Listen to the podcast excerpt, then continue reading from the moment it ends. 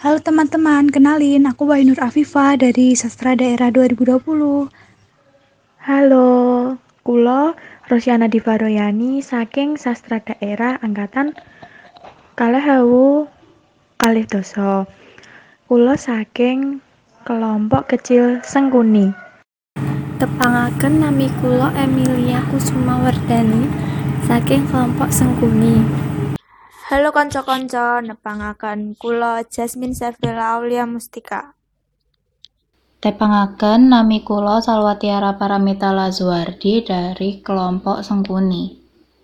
Halo teman-teman semuanya, para kanca-kanca atau para kadang-kadang.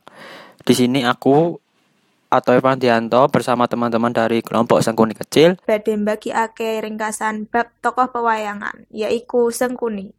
Ayo dirungokke. Bathara Dwapara minangka dewa duraka, meri lan dengki, asring fitnah dewa liya. Amarga kualitas ala ora suda, dheweke diusir saka swarga. Banjur dikutuk déning Sang Hyang Tunggal supaya mudhun ing jagat kanggo ngeculake sipat sing ala. Minangka ajal ipat-ipat Sang Hyang Tunggal, Bathara Dwapara kepeksa mudhun menyang jagat lan dadi bayi, ya iku putra Prabu Suwala, Raja Plasa Jenar. Bayi kasebut ya iku Arya Suman, sing wis diwasa duwé jeneng alias Sengkuni. Kulo Rosyana Divaroyani badhe nglanjutake penjelasane Afifah. Kutukan kasebut ditampa dening Bathara Dwapara nalika dheweke ditemokake dening dewa-dewa liyane sing fitnah Bathara Bayu. Mula uga Patih Sengkuni nduweni watak ala minangka fitnah lan meri. Lan mulane uga Bima minangka putrane Bathara Bayu nesu banget karo Sengkuni. Ing pewayangan, utamane ing Jawa, Sengkuni dudu adine Dewi Gendari. Dene versi wayang Gendor Gandara dudu jeneng kerajaan, nanging jeneng sedulur tuwa. Sengkuni dhewe dikandhani duwé jeneng asline Harya Suman. Wiwitane raja kraton Plasa Jenar jenenge Suwala. Sawise seda, dheweke diganti putra sulung Gandara. Ing sawijining dina, Gandara dikancani karo loro adine, ya iku Gendari lan Suman. Budal menyang kerajaan Mandura kanggo melu sayembara kanggo menang Dewi Kunti, putri negara kasebut.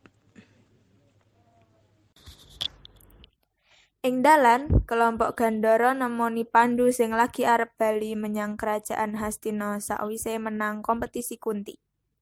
Peperangan kasebut ditindakake. Gandara pungkasane tilar donya ing tangane Pandu.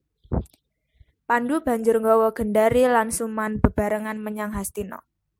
Tekan Hastina, Gendari dijaluk karo sedulure Pandu, Drestarastra. Dadi garwane. Gendari nesu banget amarga sejatine kepengin dadi bojone Pandu. Suman uga janji bakal nulungi sedulure supaya nglarani dheweke. Dheweke duwé tekad kanggo gawe permusuhan antarane para Kurawa, anak-anake Destrarastra nglawan Pandhawa, bocah-bocahe Pandu. Miturut versi wayang, wiwitane Harya Suman duwé rupane ganteng. Dheweke wiwit nggunakake jeneng Sengkuni nalika wujude malih dadi elek amarga dikalahke dening Patih Gandamana. Gandamana minangka pangeran saka kerajaan Pancala sing milih dadi gubernur ing kerajaan Hastina sajerone pamerintahan Pandu. Suman sing kepingin banget njupuk jabatan gubernur nggunakake cara licik kanggo nyingkirake Gandamana. Sawijining dina, Suman sukses ngadepi Pandu lan siswane kanthi wujud raja raksasa sing jenenge Prabu Trembaka. Dadi, kategangan antarane kerajaan Hastina lan kerajaan Pringgondani digawe. Pandu uga ngirim Gandamana dadi duta perdamaian. Ing dalan, Suman jebak Gandamana lan tiba ing jebakane. Nah, teko kene engko dijelasake karo Mas Ervan. Nah, oke. Aku tutuke atau aku lanjutkan dari Mbak Tiara. Jadi, Suman banjur bali manyang Hastina kanggo lapor menyang Pandu menawa Gandamana wis ngiyanati lan sisihe mungsuh. Pandu sing ora stabil nalika semana langsung mutusake milih Suman dadi gubernur anyar. Dumadakan Gandamana sing isih urip katon lan nyeret Suman. Suman digebuki banget nganti rupane ngantek dadi elek. Nah, konco-konco, teman-teman semua, wis pada mudeng toh? Sudah pada tahu kan siapakah itu tokoh Sengkuni?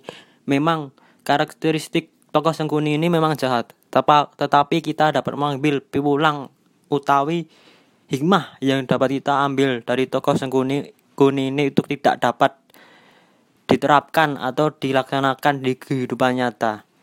Seperti seperti itu aja sih yang dapat kulo aturipun atau saya sampaikan bersama teman-teman Sengkuni kecil ini semoga dapat bermanfaat dan terima kasih yang telah mendengarkan podcast Sengkuni, podcastnya Sasda UNS. Terima kasih.